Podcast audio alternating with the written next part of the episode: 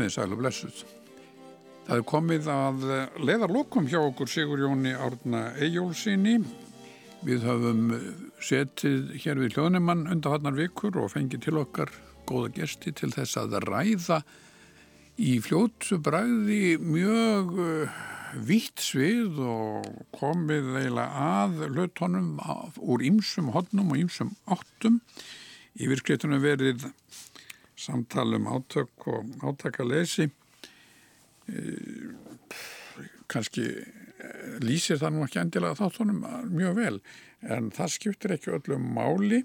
Við höfum farið við höfum farið, talað um um allræði moralismans og hugmyndafræði pólitíska sögu talsett mikið og reyndar tekið smá smá svona tilhaup að íslenskri listasögu núna undanfannar vikur. Sem sagt komið í það við og Sigur Jón Átni Ejjólfsson hann eh, hann eh, er mjög íðin maður. Hann hefur skrifað margar bækur og þykkar og stórar og hann er tvöfaldur doktor í Guðfræði doktor í Lúter í Tvígang. Og um, það er eiginlega kannski það er endar ekki, það er ekki ástæðan að ég fekk hann til liðsumig núna heldur nýutkomið Ritgerðarsam sem kom mm. út núna fyrir jólinn og hann kallar að ná áttum mm. og um, það er auðvitað ymsir sem upplifa það á æfinni á ymsum skeiðum æfin er að, að þeir þurfi að reyna að ná áttum og, og ekki síst í samtímanum kannski er allur samtími þannig eða samtími allra þannig að, að eh, mönnum finnst verið alltaf villigand. En Sigur Jón, þessi bók þín að ná áttum, hvað, hvað, hvað meirar með henni?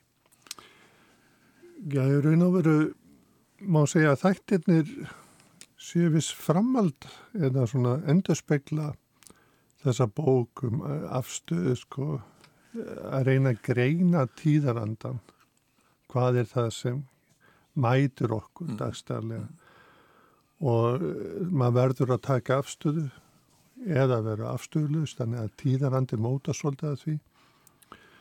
Og að ná áttum er eiginlega hvernig ámaður að ná áttunum í samtímanum? Og þannig að ég skrifa nú í formóla að ekki er ekki svolítið þannig að kannski með svolítið kýmnið já, írónið kannski að það standa öll spjót af kvítum e, prótastöndum í dag mm. þannig hérna í fréttum að sagt að það eru kvítir yfirstjættamenn þannig að ég er mjög lettið svolítið við það þannig að ég er ekki þeirri stjættamenn en finnst allir all böl heimsins kvíla okkar herðum og maður fer nú að velta fyrir hvað veldur þessu. Allt okkur að kenna. Já, þetta er svona en maður gerir svolítið grína þessu en það er, það er vist uppgjör í gangi og, og þannig er bara að hlusta á fréttir að maður veit ekki hvort fótum maður á að stíga. Þannig að maður er svolítið áttáðleis en sem Guðfræðingur og já, sem Guðfræðingur hefur maður þó eitt stað sem maður getur, getur sagt að maður sest niður á okkur stein sem maður getur hort í kringus og hugsa málinn og þessi steinni fyrir mig hérna kenning glútessum, réttlæting og trú sem mun djúpa rætur í rittningun og greining hans í lögmál og fagnarindi svo er kallað. Og þegar maður átta sig á þessari kenningu þá hjálpa manni svolítið við að greina samtíman og í grunninn er svo kenning svo að heimurinn er góður sem við búum í og hann gefur okkur margt, hann er blessunaríkur og góður og veitur okkur þess að möguleika eða hann hefur allt til þess að skapa hér paradís og jörð í raun og veru. Þetta er svona það sem Lúta segir. En maðurinn er, ef svo leiti fallin vera og honum hættir til eða er í stöður í glímu við það að alhæfa við skæði þessi hens og setja þau að hæri stall en önnur mm. og tekur stundu vissa þætti og Já, þetta er eins og í fyrsta þættunum uh, sko allraði móralismas að enginn á móralismunum það að þeir taka þessu góða kenningu og hún á að leysa allt og þetta er kallað innan Guðfræðanar hjálpræðisvæða kenningar það hætti að vera tæki sem að nota þess að uh, komast af hér í heimi og verða að leiða ykkur hjálpræðislið. En er þetta nú ekki einmitt, Sigurjón innbyggt í, í trúarbröð þar að segja að vera sko ég er drottin Guðinn og þú skuld ekki aðra Guði hafa. Þessi, þessi hugsunum það að það sé eitthvað til eitthvað algjert Já en þá kemur til þess að við tökum þú skuld ekki aðra Guði hafa og þá kemur myndbannið þar á eftir. Og í, þú veit að við vísaði fyrsta bóðorið og, og annar myndbannið er tekið inn í fyrsta bóðorið hjá okkur. Og myndbannið er raun og verið það að þú skalt ekki búið til Guð af því sem er á himnum og sem er á jörðinni eða undir jörðinni sem sé ekkert að hennu skapaði veruleika á það að vera þessum Guð og svo mjög merkilegt að maður fer inn í sko gamla testamentis og fer að aðtóða til dæmis hvort það sé ykkur að myndi til að Guði. Það er sumið sem aðeins kenta en það bendur ekki til þess að það hefur verið búin til Ísraeliku mynda Guði. Og aðna það var sæti, hásæti en það var tómt og það voru kérúbar þessar mm. frumveru sem voru gættu þess en það var tómt. Þannig að nálægð nálægð Guðs er ekki að finna í líkneski heldur frekar orð og orðmyndum getur þess að og hann er heldur ekki þess eðlis í Galvatestamentunu að hann sé eitthvað fast starf heldur meira verðandi möguleiki sköpun, sköpunarsagan er það eitthvað sem er eh, sko vísja fram fyrir sig og þá líka hjálpraðisann er eitthvað það sem er verðand og síni sig í sög og reynslu. Þannig að hún er eitthvað það sem er sko Guður eitthvað það sem getur ekki handlað og hér er til dæmis förum yfir í mannin líka. Maðurinn er líka skapar í Guðsmynd og hann er líka vera sem er ekki hægt að negla nýður að festa hann er alltaf í kærna sem lindardómur skilur en... þannig að þessi þá er vísað í Guðsmynd þú skalt ekki aðra Guði hafa virtu lindardóm veruleikans hægt að segja.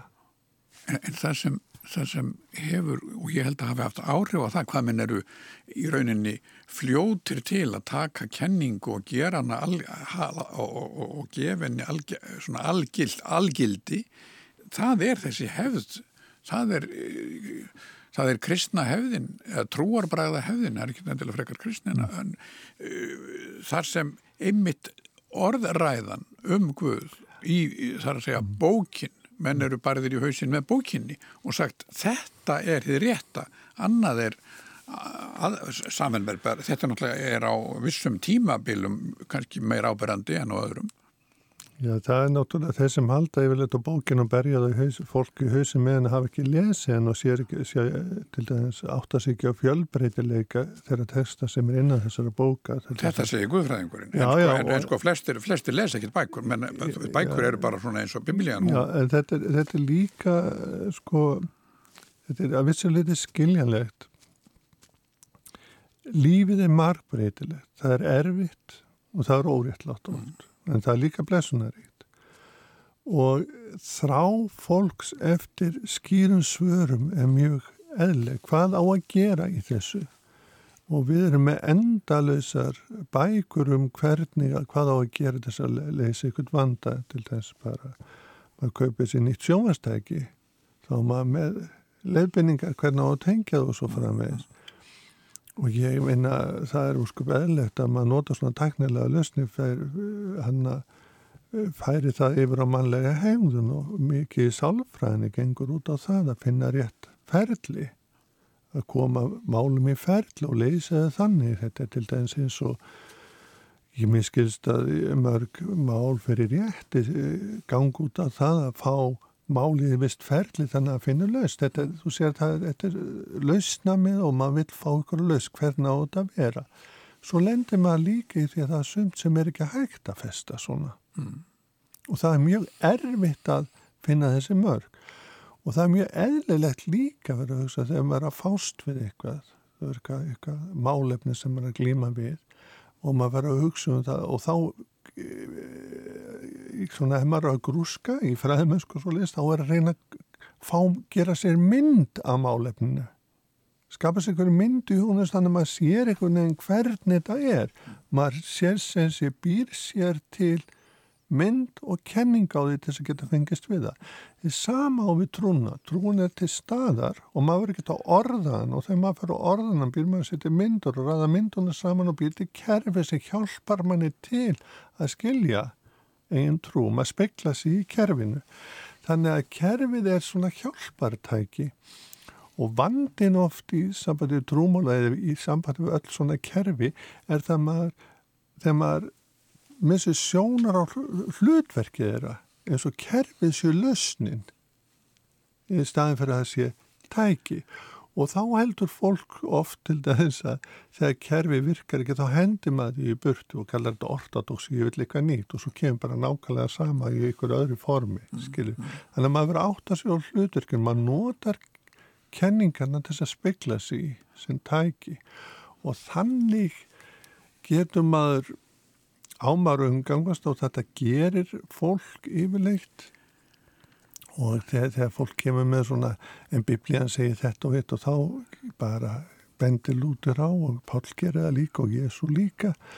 Þannig að þetta er löng biblíulega já, við hvernig er hann að tala á hvaða tíma og hvað, í hvaða aðstæðum? Mm, mm. og þá er mjög gaman þegar hann að eh, endur skýrindunu óðum allt og svo biblían segir, biblían segir og þarna og þá var sko farið að berja á fólki og þá ávísaði staði og þá sagði Lars Lútið staðansa já en Guður að segja þetta við David þegar hann að berjast við móabýta er þú David að berjast við móabýta þá kemur söguleg fjarlag og svo leiðis þannig að maður verður að læra vist afstæð vissa, já hvað getur maður að kalla raukstjöta afstæðis ekki gangvart trúnið þannig að loftið aðeins um.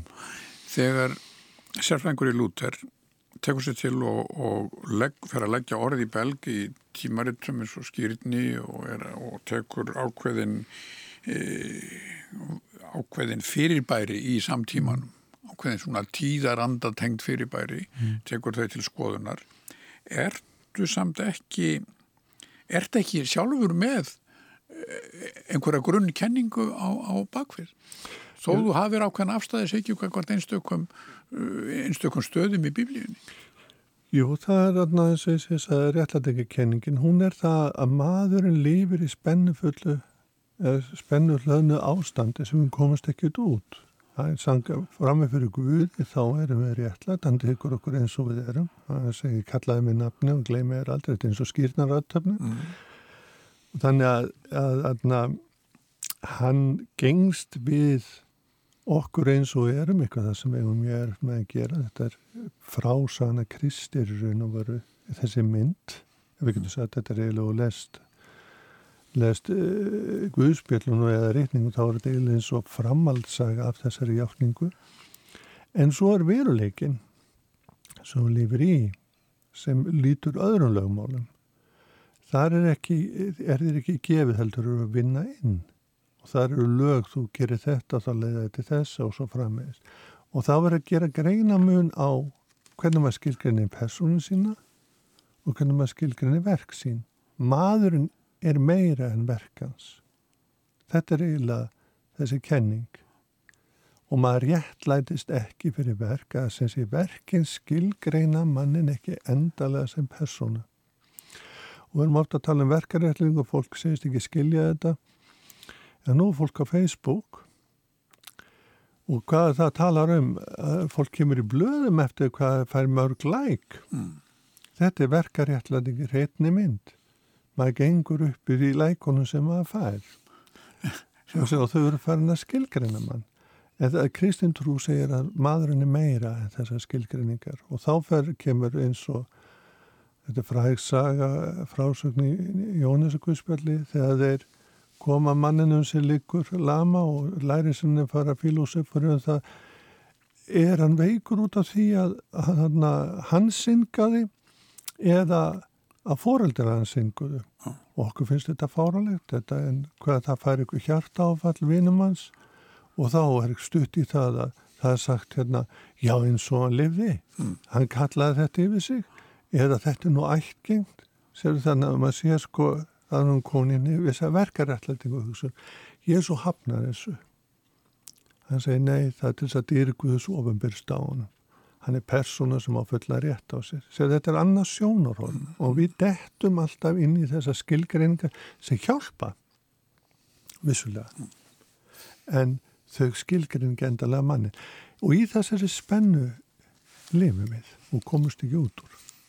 En það að fyrir þá sem trúa að, að þeir séu réttlættir fyrir mm. Guði og mm. Guð takið á eins og þeir eru. Mm. Ég hef alltaf á tilfinningunni að þetta sé svo auðvelt að eh, þegar þú ert búin að heyra þetta í ásunnundeginum að þá í rauninni og svo þegar mándagurinn kemur þá ertu byrjaður strax í þessum verka réttlætingar pælingum þá ertu að og farin að beita í mitt alls konar mórölskum mælikvörðum og, og um, vegna þess að hitt einhvern veginn, jú það voru að þægilegt að heyra það en, en það skiptiði einhver mál í kundeginu Já, maður, ég veit ekki hvort maður megi vittna núni út í alveg en, en það var einni, mynd sem hann tekur ymitt á þessu vanda. Þá eins og uh, í myndum hans hann er alltaf að taka fyrir já, borgarbúan sem er, er þjáust að stöðluri sjálfsmyndakrísu, identitetskrísu eða hvað maður á að kalla þetta.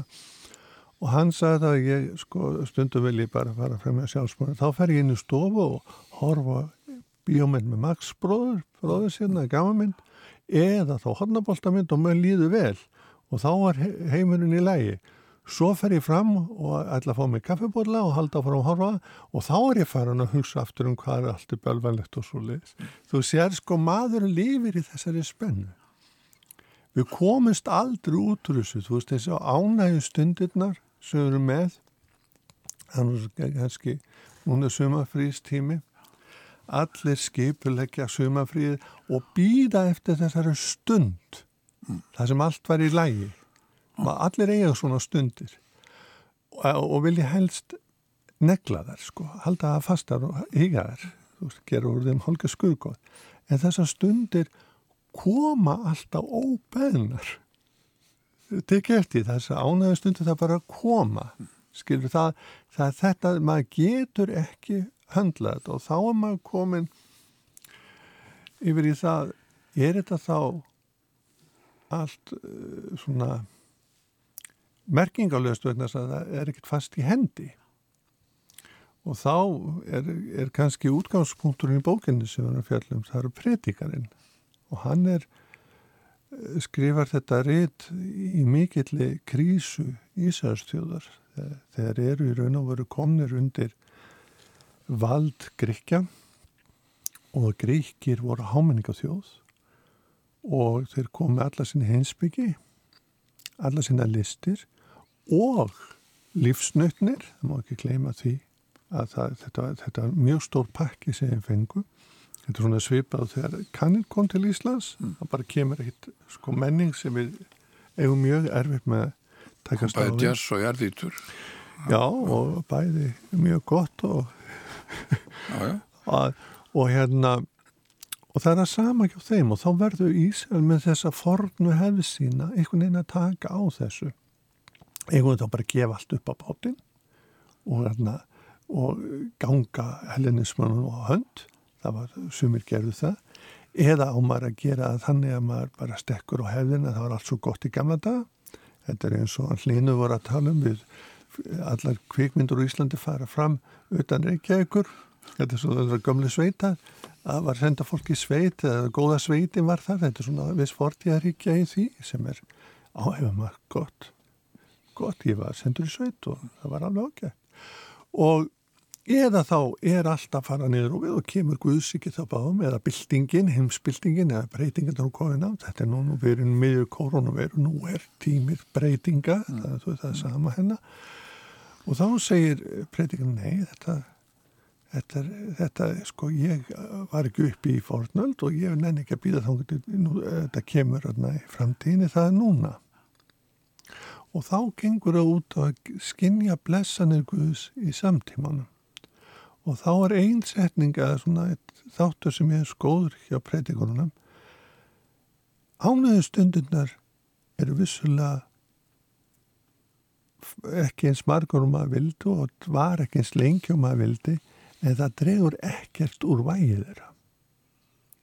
Og maður þarf ekki að gera þær eilíðar skilju mm. og þetta er svona finnst mér ágættis útlegging á, á réttlendikakenningunni hérna hjá predikarunum að við erum að læra að meta það sem að höndum ber og Lúter segir í þessu samvikið maður má ekki aðlæfa stundina kvorki þegar hún góð, slæm eða bara venjuleg.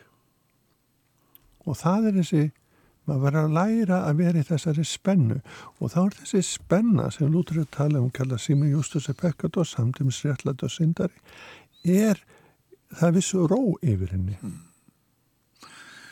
Já, en Sigur Jón, predikarinn, hann er dæmið um þessa yfirvegun þennan einmitt mann sem uh, lifir á þessu eins og þú lístir við þessar ákveðnum breytingarskeiði og hann, hann í rauninni er fulltrúi viskunnar þar segja þessar er visku um að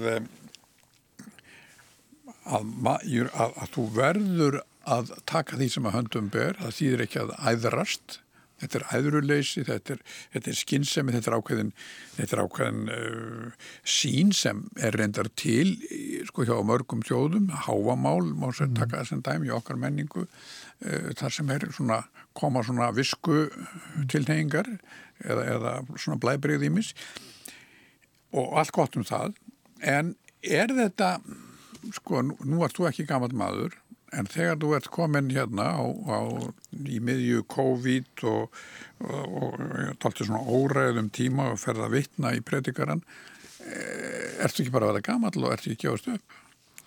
Já, nei, ég myndi ekki segja það. Að taka því sem höndum ber, ég myndi freka að segja að takast á við það sem höndum ber og það kennir hann. Og þessi ró og viska sem hann er að tala um, hún var ekkert lengi og ég hef reykist á, ég held að það alltaf að, að þeim eldri sem maður yrði, þeim vitar yrði maður, en ég bara komst á raunum að því að það, ég hitt mikið að gamlum fýblum sko. Já. og ég stundum fyrst sem við vera þar sterkur fulltrúi sjálfur að leiði þá átt sjálfur. Þannig að, að ellin tryggir enga visku.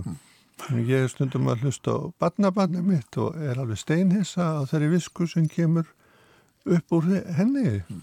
Þannig að sko ég myndi ekki ég myndi ekki segja þetta verið uppgjöf heldur þetta er viss nálgun og þannig er hún komin af þessu sko í raun og veru kannski það sem mjög þótti áhugavert við þetta við erum alltaf að tala um stóru struktúruna hvernig á að breyta heiminum og svo fram þessu stóru, stóru kerfin og pólitísku kerfi og ymmislegt svo leiðis og ég verið mikið að velta fyrir mér sambandi við sko sifæri spurningar. Hvernig er hvernig get ég tekið á þessu? Og raun og verið er nú þannig og þetta kendi lasi hjá Elert, verðin Elert sem skriði fyrstu dóttarsíkjörnum sko hann tala líka um hælsegoismus það er hjálpræðis uh, sjálfkverfa eða Eh, hann bendir á það að við erum verur verðum að taka okkur sjálf og að vera sjálfur að veru og svo en við að taka sjálf okkar alvarlega. Vegna þess að einfallega alla línur sem við sjáum mætast í augum okkar, öll hljóð samanist í eirum okkar það er bara við sem upplöfum þetta. Heimurinn skiptir sér tvö tjóðanbel fyrir og eftir mig. Þú veist að við erum eins og miðja í þessu. Og við getum haft verið í tengslum við aðra en við komumst ekki frá því að við erum alltaf við. Og þetta er uh, lúter orðar þetta þannig, þannig það deyir enginn fyrir mig eða trúir fyrir mig. Þetta er, ég maður verður að móta lífsitt sjálfur. Og þá ferum maður að velja hvernig á maður að gera þetta? Og þá erum komið hérna mm, mm, mm. að, að ná áttum og þá er þetta raun að vera að ná áttum. Þetta líka spurning, hver, þetta er gömul spurning innan Kristinar sko um helgun. Og nú veit enginn hvað helgun er. Það er eiginlega að merka hvernig getur lifa merkingabæru lífi. Og þá sér maður að það er orði, orðavista breytinga ég var út í eigum og sjá eldheima fór að sapni þar. Sko mjög merkilegt sapn og átakalegt að horfa á þetta. Og þá var ég einni senunni það þeir voru að bjarga allum heimilistækjum mm. og flytja þannig heim aftur. Og, og það var mjög áhugavert að ég hef átt að taka með mig myndaalbúmin en ekki ég tók með sér læri. Þetta, þetta er mjög áhugaverða sögur sko, og þetta er að sama það sem skiptir máli og það sem er að verma þetta þetta er svolítið breyst. Þau tók allar með sér heimilistæking ég er ekki að segja, sko, ég er ekki að gera lítur heldur fólk var að koma undir sér fótónum og svolítið þessi áherslu er svolítið breyst í nútímanu það er ekki lengur verið að eh, sko auðvitað skiptir þetta mála að fá það gefur höfuðið og, og, og, og svo framvegð það verðist að vera að fólk sem meira í dag að reyna að fá upplifanir það er ekki hlutir það eru upplegaðanir og þess vegna vil ég endilega fá fulltrú að vera listina inn í þessa þætti. Vegna þess að listin það, það sem maður er að sjá núna mikið að það fara fleiri leikús og listasöfn heldur nú fókbaltaleiki ég er ekkert að draga úr ánáði fókbaltaleiki en það er ekki bara að segja að fólk þarf andlega næringu og takast á eða speikla sig í, í eh, þeim veruleika sem er að sína på sviði til þess að uh, ef maður fyrir leikus og uh, maður sér sviðið og þetta er bara svið og eitthvað leikmenn sem maður fylgist með svo kom leikarinn og þá maður komin inn í heim þetta er galdur mm. svona, mm. þetta er svona andleg næring sem að það og þarna held ég að sko trúin sé hluti af þessum veruleik. Þetta er hluti af helgunni að taka þátt í þessu andlegu næringu og þess vegna segir ég svo maður lifur ekki bröðinu einu saman. Mm.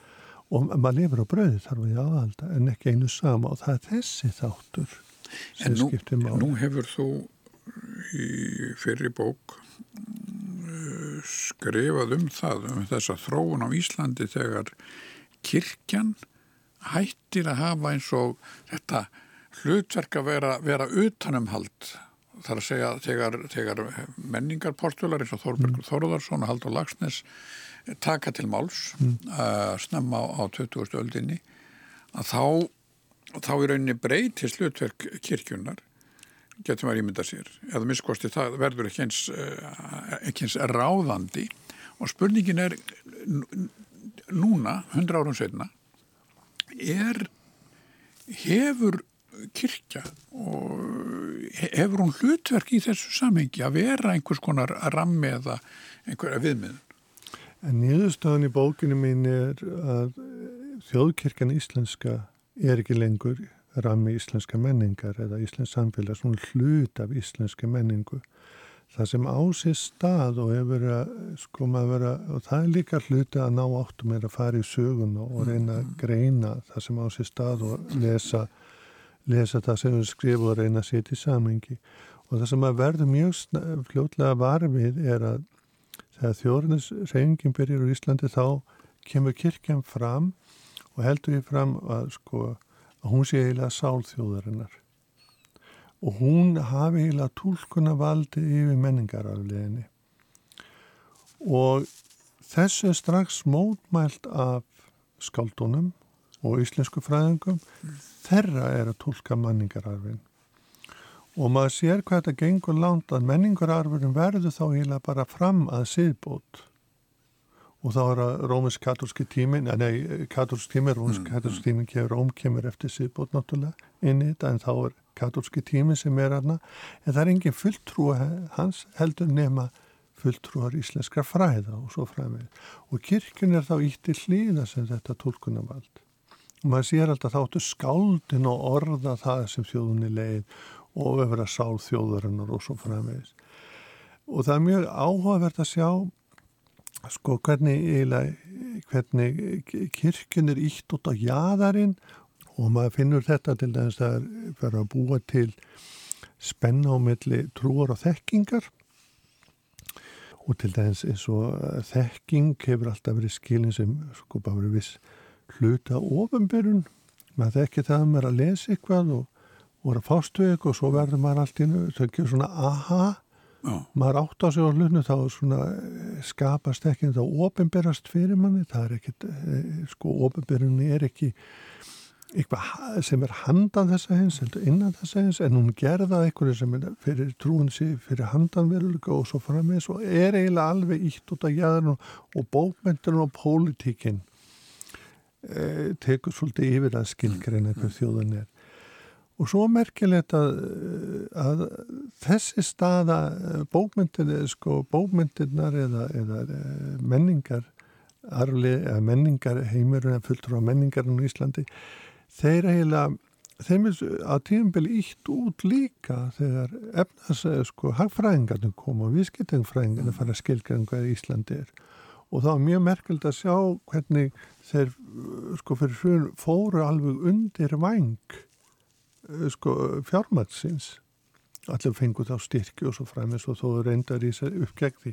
Svo eftir hrun þá er svona eins og eh, fólk halv áttalöst í þessu veit ég hvað, hvað er og ég held að, að núna sé orðið ljóst að, þetta tólkunavald er heldur ekki lengur og hendi e, fjármaksins þeir sko heldur þeirra eiginlega að vera að berjast um hver á að tólka menningararfin, hvernig er hann og hver, hver segir hver við erum.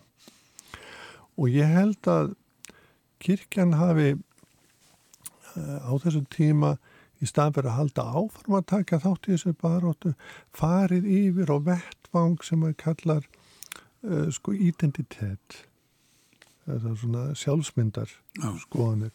Og þá kemur, kemur hérna inn mjög sterk áherslu á sálgæsluna og sálgæsluatri og sem sko það búið að lifta grættistæki því. En þið sjá, hún loka sig af.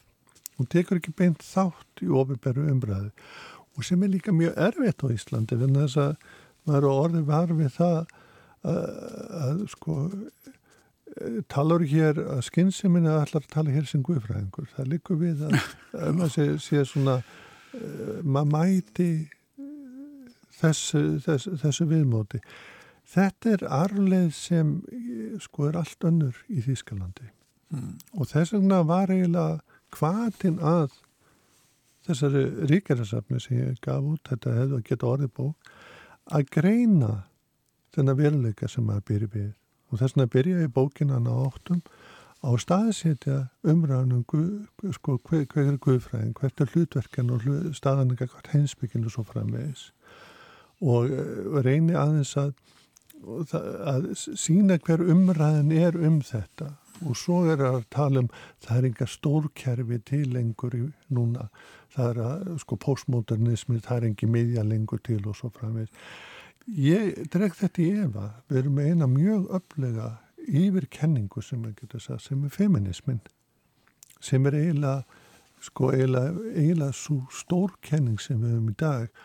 Og er ekki lengur hægt að tala um eina kenningu heldur þetta er eiginlega mjög breið stefna og ég er eina greina hana í fyrstu kynslu þarna Simon Bóti vor svo kemur Gilligan þá kemur sko ef, maður gerir þetta einfalt þá er hérna konur og kallar ég hafa gefna rétt til að uh, launa og svo frammeðis og konur, uh, sko, það, þetta, þetta er nú heilmikil bók hjá henni en, eh, en, en það er mjög gaman að lesa hana, hún fer yfir þá kemur mjög skýra sín á stöðu hvenna og hvernig það er að brjóta stöðan feðraveldun og grýpur þá líka mjög til existensialismin en það er hún einna helstu hugsunum þeirra stefnu. Já, svo kemur, viss eðlisi kemur Gilligan sem er brotin svo aftur, aftur upp með, með hvað þetta er hún enna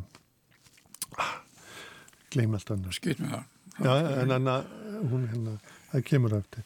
Anna, og svo er, kemur þetta hérna sko er eiginlega fjórðabilgin en allan er það þannig að að þessi stöfna er mótandi í dag. Og við komumst ekkert fram hjá umröðinu jafnbreytti kynjana sem leita af sig líka aðra jafnbreytti stefnur, maður sést til þess að uh, reyfingaði sambandi samkynnera, réttindi samkynnera sprettur, eða er, gengur eiginlega samlega þessu.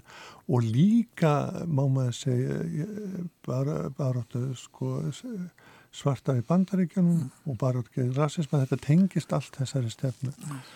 Og þá er önnu stefna sem maður ræðst á, ég held áfram í bókinni þá er sko mannrættind og hugtakið sem er, þú nú verið í amnestið og þekkið það fyrst var sko réttur einstaklingsins, skakalt heldinni og svo er þetta líka orðið réttindi fólk til að fá aðganga jafnan aðgang og gæðum já, og möguleikum. Já, félagslega, efnagslega og félagslega já, félagslega, það er eiginlega komið líka ernin og svo er líka orðið annað trú og tjáningafrelsi að tjáningafrelsi er mikilvægt líka fyrir trúaða hópa jú, jú. að þeir fá að tjá sig og svo, frá, svo þá kem ég að til dæmis uh, sko það var að tíðanbili mikið tala um islamofóbíu og þá var mjög gaman að fara er í tverka hinnarann um Íslam. Hvernig er umræðum Íslam? Hvernig ræða þeir sko fulltrúar Íslams eða eh, sko eins og maður þekkir í Þýskandi, hvernig fjallaður um sig? Og þá kemur mjög áhugaverð hérna hjá svo kallum róthaugum eða humaniskum Íslam, það eru að verja gildu upplýsingarinnar. Já, já. og svo framins og svo sér maður til dæmis í sögulegur ansóknum að þeirra ganga, er að byrja að ganga gegnum Eh, það krítiska ferli sko sögur ansóknur slik sem kristin hefur að gangi í gegnum síðslegum 200 ár. Og svona held ég áfram að taka hvert efnáfætur öðru. Og svo setni hlutinu bókinu fer ég í leið þann grunn sem að byggir á þessar ansóknum og byrja á lúter mm.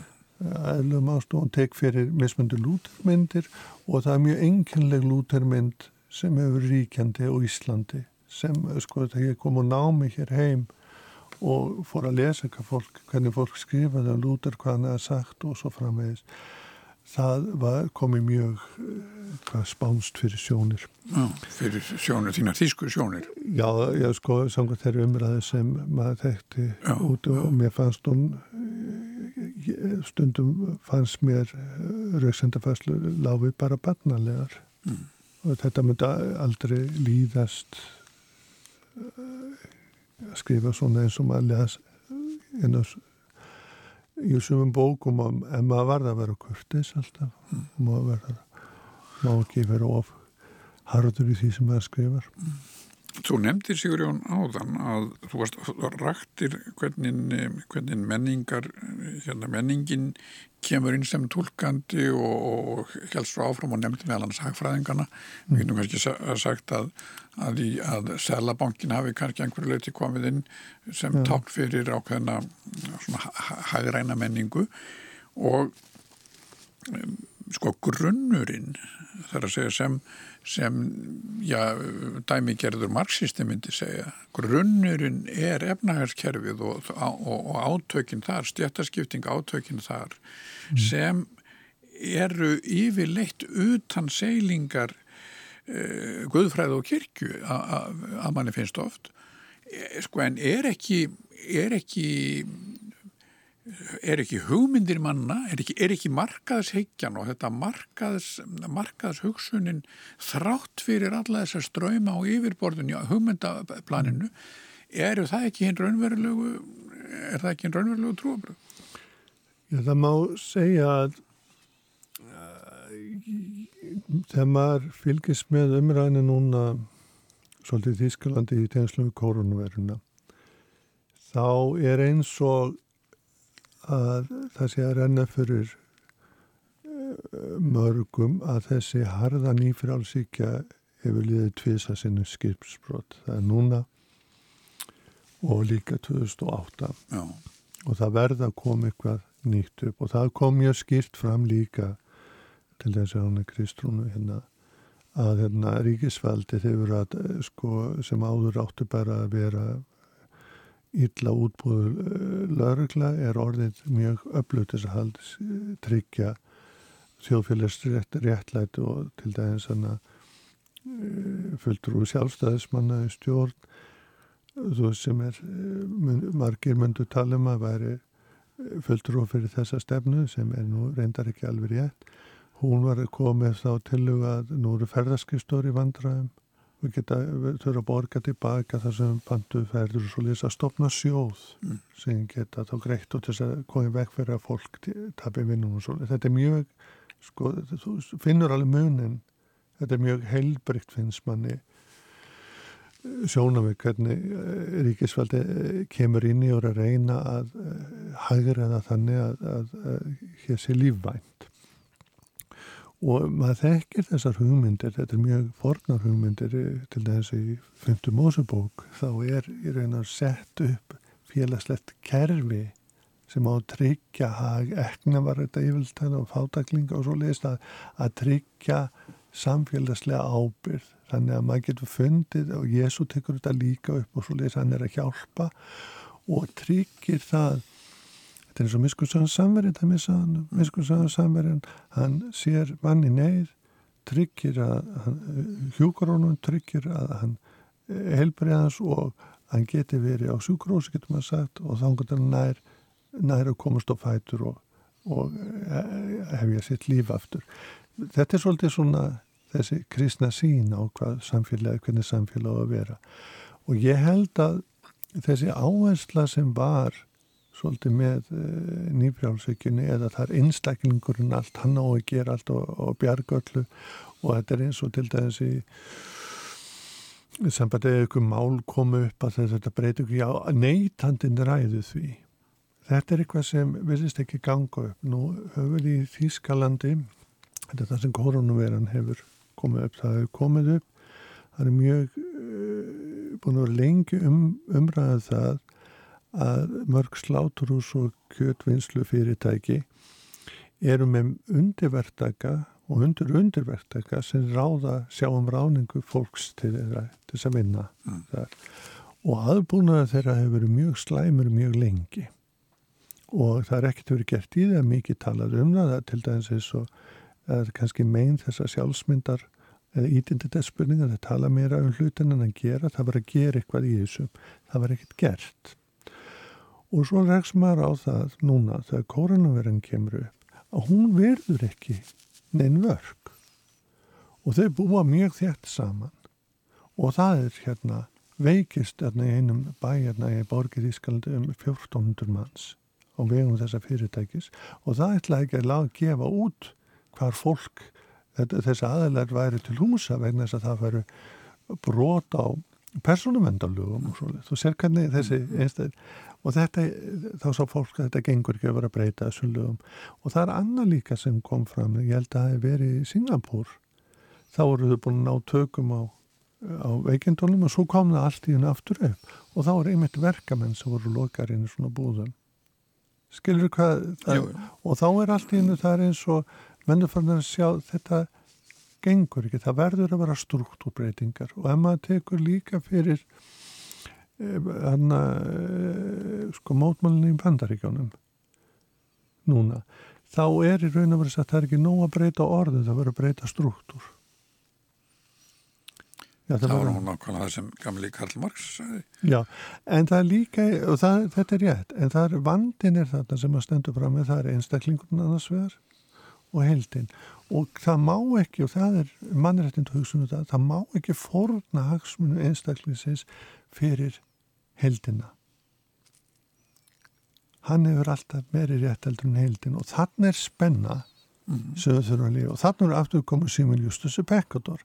Við verðum að lífi þessari spenna og reyna að finna struktúra sem ganga. Það er ekki að segja kerfið sér um eða einstaklingun sér um. Þetta er ykkur skona blanda sem er með stundum eins og þessi harmonika samfélagið.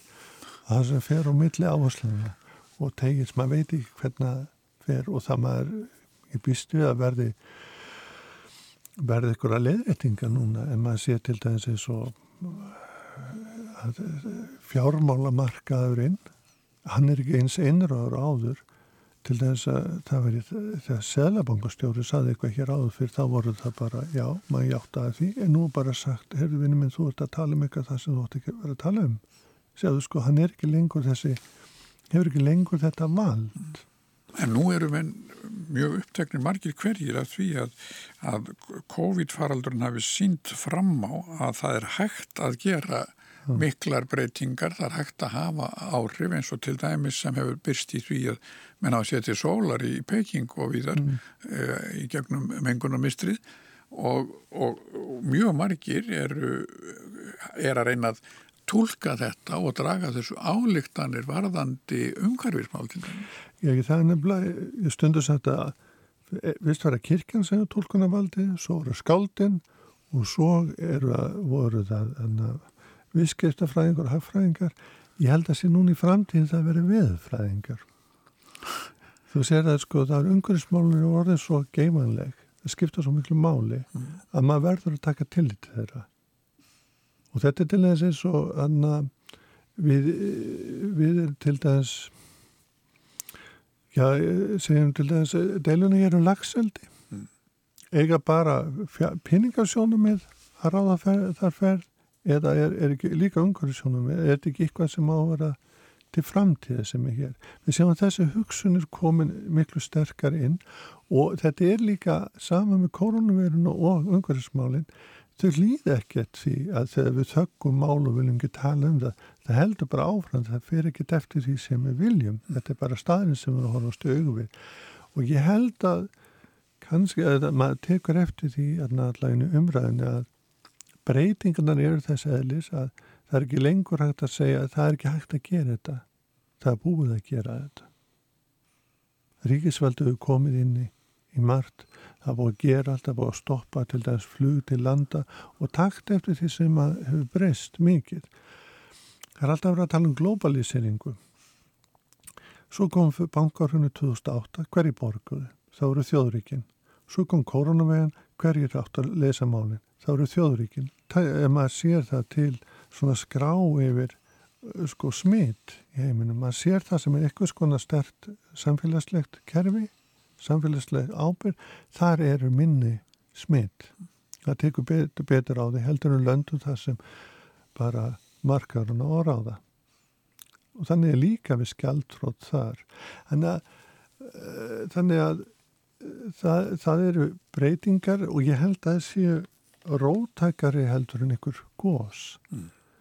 Þetta eru það mikla breytingar að maður er spenntur að vita hvað eru unnu úr því og sem Kristinn einstaklingu þá bara sesmar og stein sem ég kallar hann að réttlandingu trú og reynar að greina eins og gerði þessari bókminni. Og, og að þú varst að vitna í predikarann líka á þann alltaf þessum tíma mm.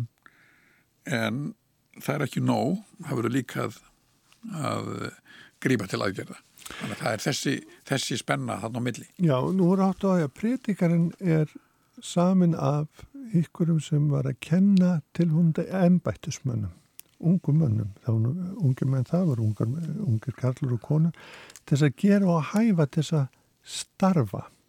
Og það er mjög aðeinsvert að lesa til dæmis eitt stað að hann talar um að á einu stað að að slæmur konungur, hann kallar neila held ég fíbl, getur rústað að sko æfistarfi góðs konungs á nokkrum árum og þegar maður lesi þetta þá finnst mér þetta svona já já þetta getur verið, mér finnst við verið að upplifa þetta á ymsum stöðum já, á ymsum stöðum, já, já. og hann, þannig að hann hvetur til aðgerra og ekki til þess að maður verður eitthvað passífur og svo les heldur hvetur til aðgerra og viskan fælst í því að reyna að gera þá réttar luti. Þetta eru góð lokkvörð. Sigur Jón Árni Ejjólfsson. Guðfræðingur, bestu þakkir fyrir að eh, vera með með þessar vikurnar og, og taka móti góðum gestum og fyrir þetta spjall í dag. Og þakka fyrir ævar Guðfræðingur.